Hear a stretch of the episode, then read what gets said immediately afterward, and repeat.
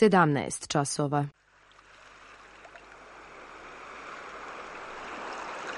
Radio Televizija Srbije. Radio Beograd 2.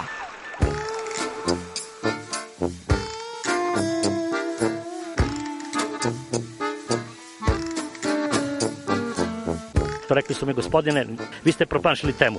Pa ja sam onda promašio život. I ne znam šta će da bude sam. Kaže, ja ne mogu više te čuvam. Šta da ti radi, kaže, snađi se kako znaš. Mi smo kao u kafesu. Za nas to je najmrtvo. To je mrtvo za nas, naročito. Ja bih želela neko da me usvoji. Da bih želela. Govori da bih te video. Program dokumentarnog zvuka.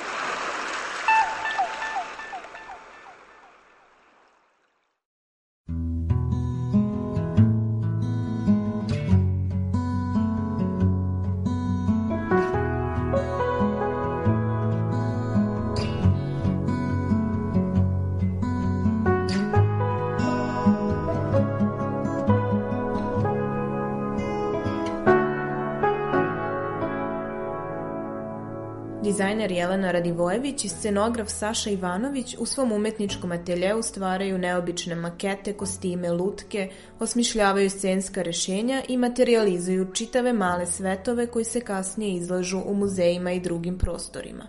O svojim počecima, radionici Skills Division i kreativnom radu govorili su za naš program.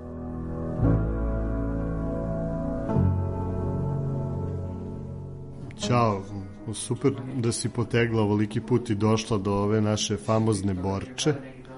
Ja volim da se zezam pa da kažem ovaj citat iz Tarzana crtaće. Borče je puna lepota, ali i opasnosti.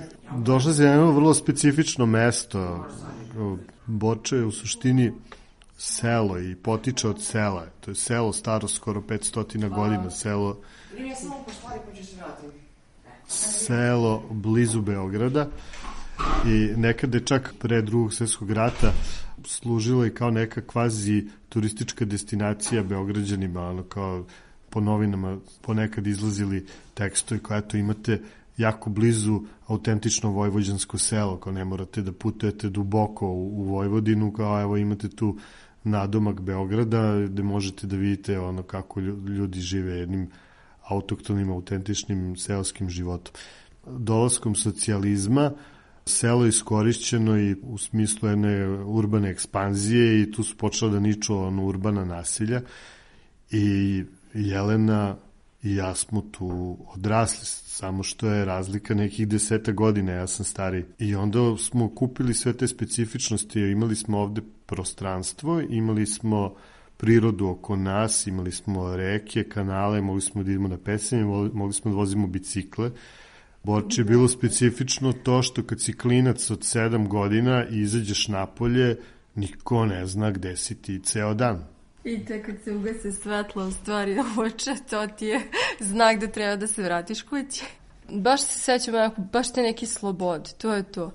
Upravo to što on pisuje, ta neka priroda, polja, vožnje biciklom, kroz te neke kukuruze, kažem, prema crvenci, to je nama bila ta neka gde nema nikakve infrastrukture i sećam se te neke ulice Lotosa koji sam ja volala da odim, da uzem to ćebence, da spakujem onu neku svoju korpicu i da tu uzem taj svoj ono minimalni pribor za crtanje i da odem tamo i da to sednem pored nekog drveta i da tu nešto crtkam. I to je bilo to vreme za mene, kad se ja tu negde sakrijem i eto, dođem kad hoću. Mi smo bili uglavnom na ulici i na ulici se sve dešavalo i mi smo i crtali na ulici i igrali se na ulici i pravili ovaj, garaže za utiće i šta ti ja znam, crtali one staze za 1, 2, 3, stalno smo visli na ulici, igrali klikere i, ovaj, i po toj prirodi smo se akali, ovaj, a odlasci u grad su nam eh, bili poseban ritual i posebna avanture. Tako da ovaj, eh, tu slobo, slobodu koju smo negde sticali Jelena i ja od u Borči, ona je ono bežala od, kako se zove, od, od, od kuće da bi mogla da crta u prirodi, a ja nisam imao potrebu da bežim, samo ono, kao sam bio u tom okruženju. Ove, to nam se zadržalo i dan danas i to kroz naš rad, kroz našu radionicu, naš umetnički atelje Skills Division koji je iznedrio ne, za posljednjih ono, 20 godina preko 700 projekata. Radionica naša Skills Division je u stvari nastala veoma spontano. E, naime, ja sam još za vreme studija dosta volontirao i volontirao sam u, u ovaj, radionici Jugoslovenskog dramskog pozorišta sa pokojnim Živorodom Savićem Žirom, scenografom koji je u stvari završio svoju karijeru u radionici pozorišnoj izrađujući dekore i, i kreirajući ih i tako dalje. Kao mlad scenograf, navršeni diplomirani scenograf, otvorili su mi se odmah mogućnosti da radim neke profesionalne pozorišne predstave i ovaj, sad ja bih nešto tu smislio nekonvencionalno i onda mi se nije dopadalo kako se to dalje proizvodi u nekoj određenoj pozorišnoj radionici. Naš majstori te malo muntaju, malo hoće da uproste, neka ti kažu ovo ne može, ti znaš da može, nego im se ne radi. I onda ovaj, sam ja oblačio svoje odelo i radio sa njima, da li je to bio majstorski posao ili slikarski ili vajarski i tako dalje. I onda praveći te stvari zajedno sa majstorima u pozorišnim radionicama, počeo sam da stičem ogromno neko iskustvo i znanje i dosta sam eksperimentisao, te stvari su izlazile na scenu, igrale i tako dalje. I sad kako se ra razin svet muva po pozorištima i traže svašta nešto, tako su otkrili ljudi mene i neke boje sposobnosti u tom smeru i krenuli da me angažuju za neke reklame, za neke interijere, za ove zone. Sve bi mogo ti da napišo, ne znam, sećam se prve reklame koje, sam, koje smo pravili, Jeca isto tu učestvovala, ovaj, ne znam, dođu i kažu, znaš, mi ne možemo da nabavimo vanilu nigde, onaj plod vanile, ko ne možemo nigde da nabavimo, a treba nam puna ono korpa vanile i onda mi pravimo od veštačkih materijala i imitiramo vanilu, pravimo onu punu korpu vanila, znaš, ko to, to traje ili ne znam, kao jedna od prvih reklama za mobilne telefone u Crnoj Gori, za Crnogorsku tada mobilnu telefoniju kao vežbanje prsti, onda smo pravili minijaturne tegove i sprave za vežbanje ovaj, prstiju. Tako su ljudi otkrili, on se jednom trutku kao, pošto sam radio više taj autorski deo scenografski, provalio da, da mi jako lepo ide ove organizacije i konstruisanje stvari i, ovaj, i manuelni rad, mislim, ja kao uletim u radionicu i napravim ono što mi treba za određenu predstavu. Da bismo mogli da pravimo neke stvari, nama je bio potreban prostor i mi smo se setili, brat i ja, da postoji ta sušiona u, u zgradi koju su oni njegovi drugari tinejdžeri u tinejdžerskom dobu koristili za igranje breakdansa tu su već postojali dan danas postoje neki grafiti iz 83. 84. godine i već smo imali ambijent prirodan ono arti i samo smo kao dobili blagoslov od stanara da možemo tu da uđemo i da pravimo scenografije. I ove, iz tog malog prostora mi smo čuda pravili. Mislim, Glenger i Glen Ross u Beogradskom dramskom, ceo dekor je bio napravljen tu. Najuzbudljivije u celom to poslu je da ti niš čega, ne postoji ništa, od nule nešto stvoriš, od, nek, od nekih potpuno uh, nekonvencionalnih materijala ili nekih običnih, stvoriš nešto veoma neobično. Veliko, malo, grandiozno ili minijaturno i onda je uh, lepo kad neko dođe i nije mu jasno čega je to napravljeno i kako je to napravljeno, kako je to uopšte nastalo. I onda ti shvatiš u stvari ceo taj proces koliko nije, nije ni malo jednostavan i koliko je tu potrošeno vremena iz eksperimentisanja i koliko je bilo i grešaka i svega. I, ovaj, i ložite prosto te ono znaš, kad napriš nešto što egzistira i igra na kraju u predstavi ili filmu ili u izlogu radnje ili u interijeru godinama, znaš da si uradio pravu stvar, znaš, znaš da si pomerio stvari za jedan korak napred. I ovaj, to je taj prvo otvaranje, kažem, nekog prostora, ono, kažem, ulazak u svet van svoje sobe, u tom smislu rada van svoje sobe i gde, gde sam onda shvatila da upravo je dobro imati tako neko mesto, jer tu je počela cirkulacija, kako smo počeli da radimo, onda sam imala tu cirkulaciju ljudi, znači od komše, onda od dece i ta neka bliskost, u stvari se kroz rad, taj neki kreativni, onda dođu ljudi pa te upitaju da vidiš šta je interesantno, na koji način. Sada ja smo tad, radili smo neki uh, kafić, sećam se, na bulevaru je bio I onda sam ja tu, s, uh, imala sam, kažem, 14 godina i trebalo je... Jeste, da, trebalo nešto da se oslikaju na plafonima neki, uh, kao u tribalima ti lavovi. I onda sam ja se pela neki skele ovaj, tamo, pa sam to slikala. ovaj, I onda smo radili te reljefe, to su bili kao od stiropora neke slike. Uh, i sa smesama, da, 3D slike, pa smo ugrađivali svetla u njih, bila su one tinjalice, onako mm. lepa, neke, onako romantične, neke scene, onako ulične. To i posle toga smo radili nekog dinosaurusa, um, za neku radnju, to je za, mm -hmm. za radnju za igračke, ali tako, da. Je prvi, prvi, da, prvi dinosaurus da, pravljen na Balkanu, ono, niko, da. niko, niko tako nešto ali pre nas da nije radio. Uh, pošto zbog gabarita smo morali da vodimo računa da izađe na ta vrata, ipak je to bila ta sušiona.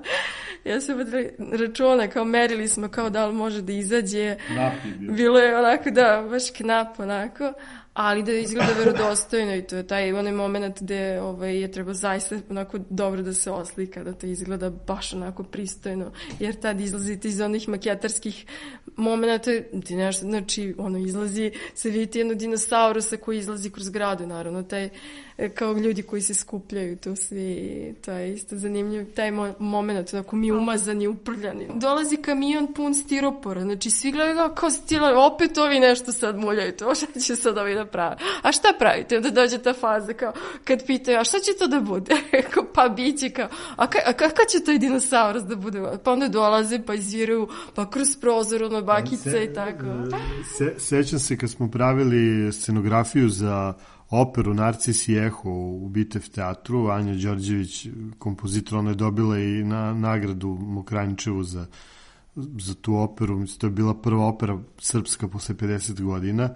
Alisa Stojanović režirala i mi smo osmislili neku scenografiju od nekih plastičnih ovih cevi za, za kanalizaciju i onda je trebalo da se proseče jedno milion prozorčića na tim cevima i da se pusti svetlo kroz njih i tu iz zgrade smo mi seckali, brat moj isto s nama, on nam je tu letao, pomagao kao mater da bi posle postao profesionalac tu isto u tom poslu.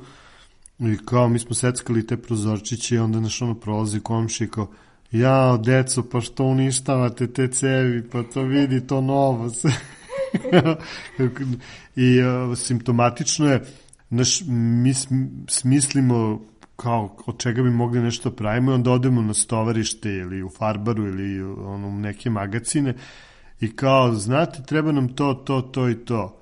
I sad ljudi ne mogu to da povežu, kao zašto uzimamo ovaj materijal i ovaj, i ovaj lepak i ovu mrežu i ne znam šta, kad to nema nikakve veze jedno s drugim u građevinarstvu ili već, već nekom drugom ono, za, za natu. I kao, šta će to vama? prijatelju da ne mogu da ti objasnim. Radimo nešto nekonvencionalno. I tako se iz te male sušione Skills Division razvio jednu veliku ozbiljnu radionicu opremljenu i sposobnu da, da izvede sve vrste majstorskih e, poslova, stolarskih, bravarskih, e, tapetarskih, krojačkih, zatim umetničkih, ono, vajarskih i, i, i slikarskih. I zapravo Skills Division je jedina radionica jedina firma ovaj, na Balkanu koja je sposobna da sprovede delo od ideje do konačne materializacije realizacije. Znači, mi, mo, mi smo u stanju da osmislimo koncept, da osmislimo celu kampanju ili šta god, da rešimo sve to tehnički, inženjerski i dizajnerski i da onda sve to napravimo i proizvedemo.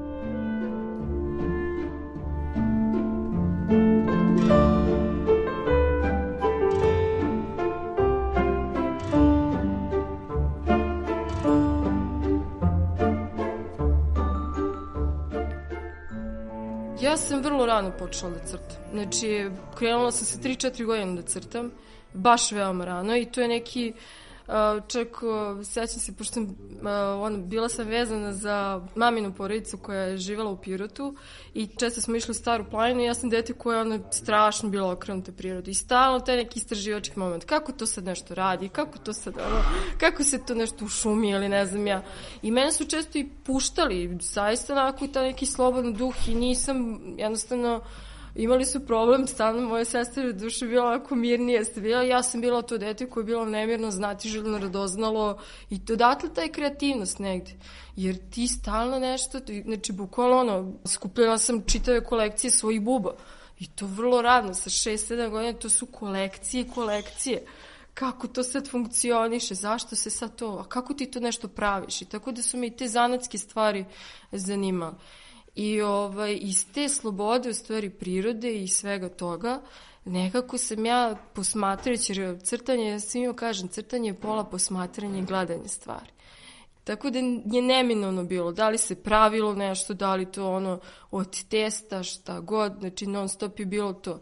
I onda majstori, znači da li je bio neki stolar ili neki zanat, ili ne, znači sve što je rukama rađeno, meni je bilo uvek interesantno da posmatram, da gledam.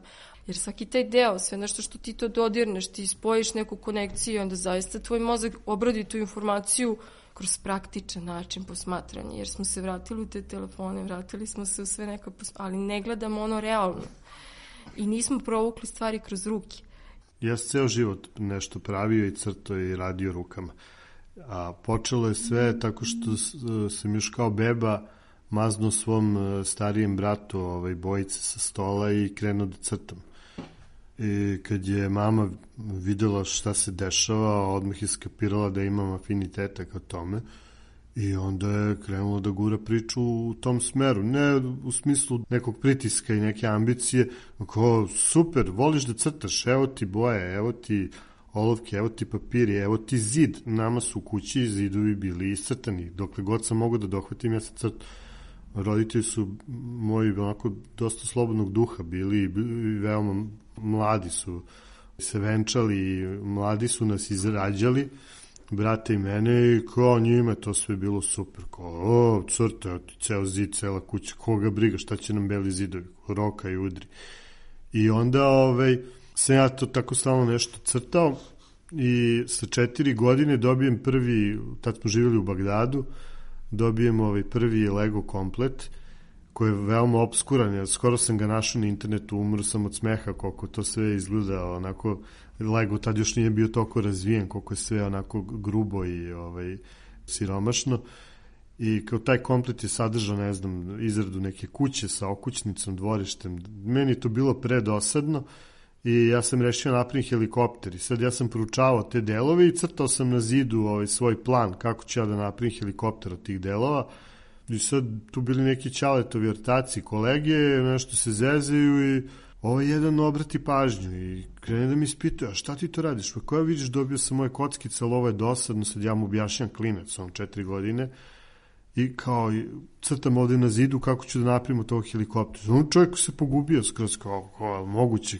Sad ja mu objašnjam sve kako ću da napravim rotor, kako će lise da se okreću, sve mu to pokazujem i kad se ja to sklopio, kad je on video da radi, on je čovjek sutradan došao popodne kod nas sa sedam kutija Lego kockica, spustio na pod i rekao, evo, izvoli igris.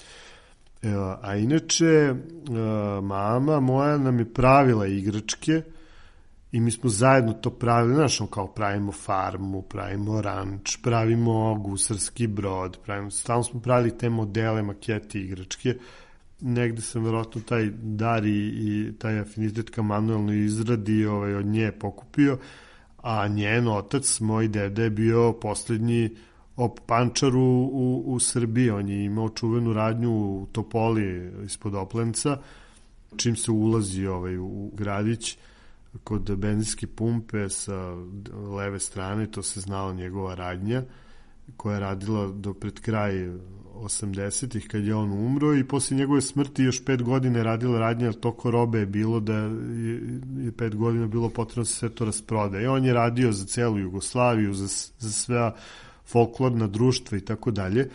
Ko je njegov posao bio? Njegov posao je bio da uzgaja životinje, da ih ovaj, da izvineš u smrti, da ih uh, odere, da, znači, kad ih je uzgajao, znao je tačno ko, čime ih hrani i tako dalje, da bi ta koža imala određeni kvalitet. Onda je tu kožu sam štavio, tako da on, on kao pravio svoj proizvod od nule, ne postoji ništa, znači čak ne postoji ni materijal, on čak nije odlazio ni da kupi materijal, nego je svoj materijal proizvodio i na kraju dobio šopanak i on je radio, znaš, tu sad kad uh, pleteš šopanak ima raznih nivoa ovaj, izrade i oni najkomplikovaniji sa filigranskim radom ovaj, su bili najskuplji modeli. Danas niko više ne pravi opanke na taj način, niti postoje pravi opančari, oni ljudi prave opanke, ali to nije ni blizu tako kvalitetan i tako precizan rad kao što je to bilo tada. Ono što, što je reflektovalo na mene, mene, kako me užasava činjenica da nemamo više prave opančare, tako bi mi isto e, i porazila činjenica da nemamo kao više ljude i decu i mlade ljude koji rukama prave neke stvari. To je jer kao, kao dokle to vodi, kuda to vodi ovaj, kako se zove ceo svet, šta, ćemo svi da budemo menadžeri i da prodajemo, pa ko će jednog dana da mesi hleba, ono, ko će kao da uzbere žito, ko će da ti sašije tu cipelu, sve su ono prebacili na kinu, mislim da ono, da delovi sveta gde se vas postavlja proizvodnja i manuelni rad i tako dalje, će uvek biti u prednosti. Mislim da će se ono težište moći vrlo ono prebaciti na, na tu istočnu Aziju, jer prosto kao ono, ljudi će držati monopol nad proizvodnjom, ako mi pravimo. Kao, hoćeš da se obučeš, ne možeš bez mene da se obučeš ali ta lepota da ti stvoriš nešto i to zadovoljstvo nakon toga, mislim, sam taj proces izrade i svega toga, taj trenutak i ta uspomena koju meni sad ostaje, taj osjećaj zadovoljstva i da ti shvatiš da ne možeš da ostaneš siromašan nikada, ako ti imaš tog znanja da ti možeš da proizvedeš, znači sam nešto. Ne moraš nikada da, znači ako imaš komad ono, nekog materijala, ti ćeš uvijek moći da, da nešto napraviš za sebe.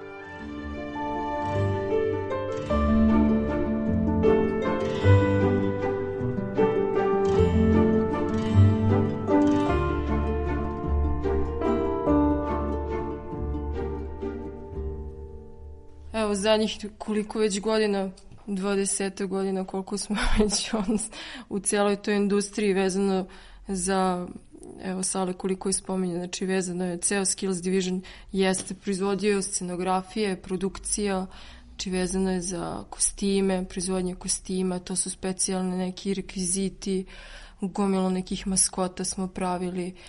Divni muzej Marka Pola na Korčuli, meni je jedan od tih ne, makete koje su ono prelepih razmera sa prepuno detalja. Često su to neki vrlo teški izazovi da vi morate da rešite tehnički neke ne tako jednostavne stvari, nešto što se kreće vezano za robotiku ili za reklame, pa sve to lepo obučete, pa ta lutka mora nešto da odradi, da ispriča, da se pokreće na sceni, tako da i toga ima takvih nekih zadataka.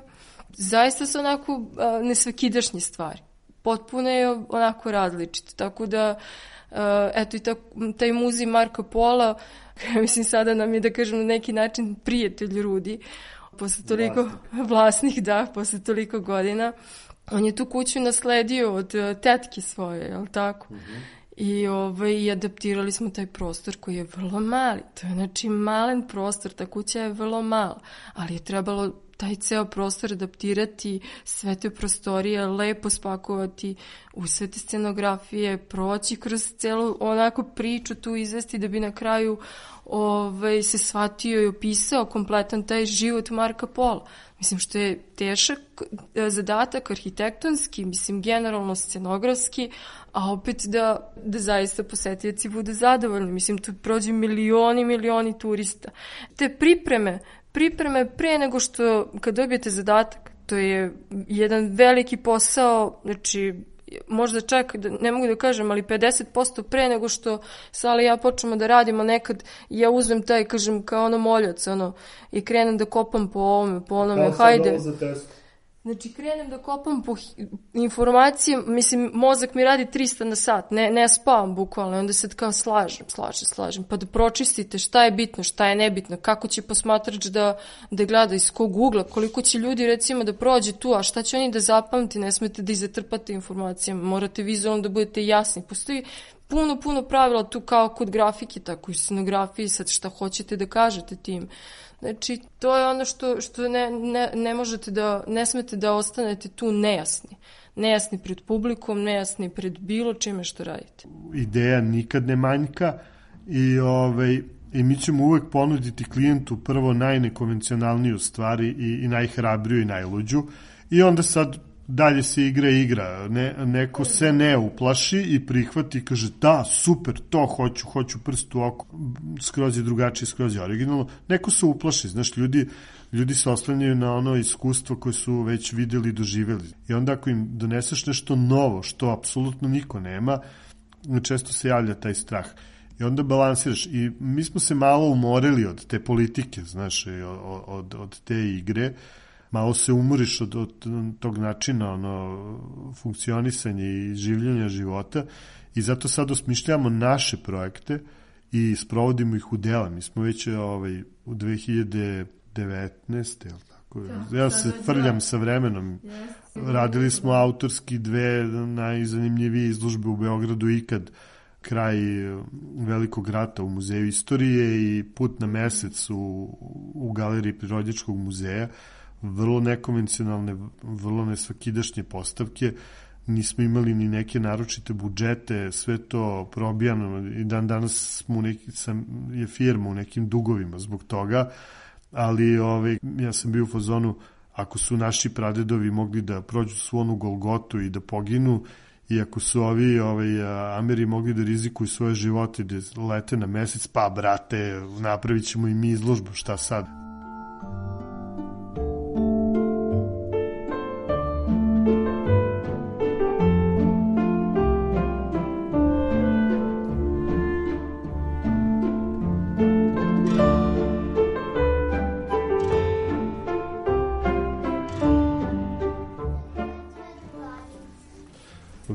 Prošla godina zbog ove COVID situacije onako bila dosta ekonomski teška i imali smo ono žešći ekonomski udarac na, na naš umetnički atelje i onda smo letos rešili da ovaj, oformimo uh, jednu novu priču i napravili smo Tricky Art Studio koji je trenutno likovna sekcija udruženja ljubitelja kulture Kreč i koji funkcioniše na dva nivoa. Deo priče je škola za sve uzraste, likovna i dizajnerska škola u želji da prenesemo svo naše znanje i iskustvo, sve što smo naučili radeći naš posao proteklih 20 i kusur godina, da prenesemo u što većem obimu mladima. E sad, ono što je karakteristično za, za ovu školu je da je nama u interesu da pre svega te mlade ljude od najranijih uzrasta tipa 5, 6, 7, 8 godina do srednjoškolaca koji se pripremaju za upis na, na umetnički fakultet, da ih oslobodimo od strahova i, i, i tenzija i frustracija i straha od tobožih autoriteta, da stanu na svoje noge, da mogu da se kreativno, slobodno razvijaju, da slobodno sprovode ovaj, svoje, svoje ideje u dela. To nam je na prvom mestu. Tako da je u suštini škola u jednom radnom procesu koji je na stalnu u balansu između učenja pravila, nekih osnova ovaj, slikanja i vajanja i dizajniranja, da bi u što boljoj meri i, i u što većem intenzitetu deca naučila ta pravila kako bi mogla kasnije da ih što uspešnije i prekrše u nekoj svojoj karijeri, u, ne, u nekim, nekim svojim, nekom svom umetničkom stvaralaštvu. Tako da ono što nam je bitno je da da pronađu sebe, da pronađu šta im prija, kako im prija i da ispolje sebe kroz život, da budu srećni, zadovoljni, da, da rade ono što, što vole, jer to je suština.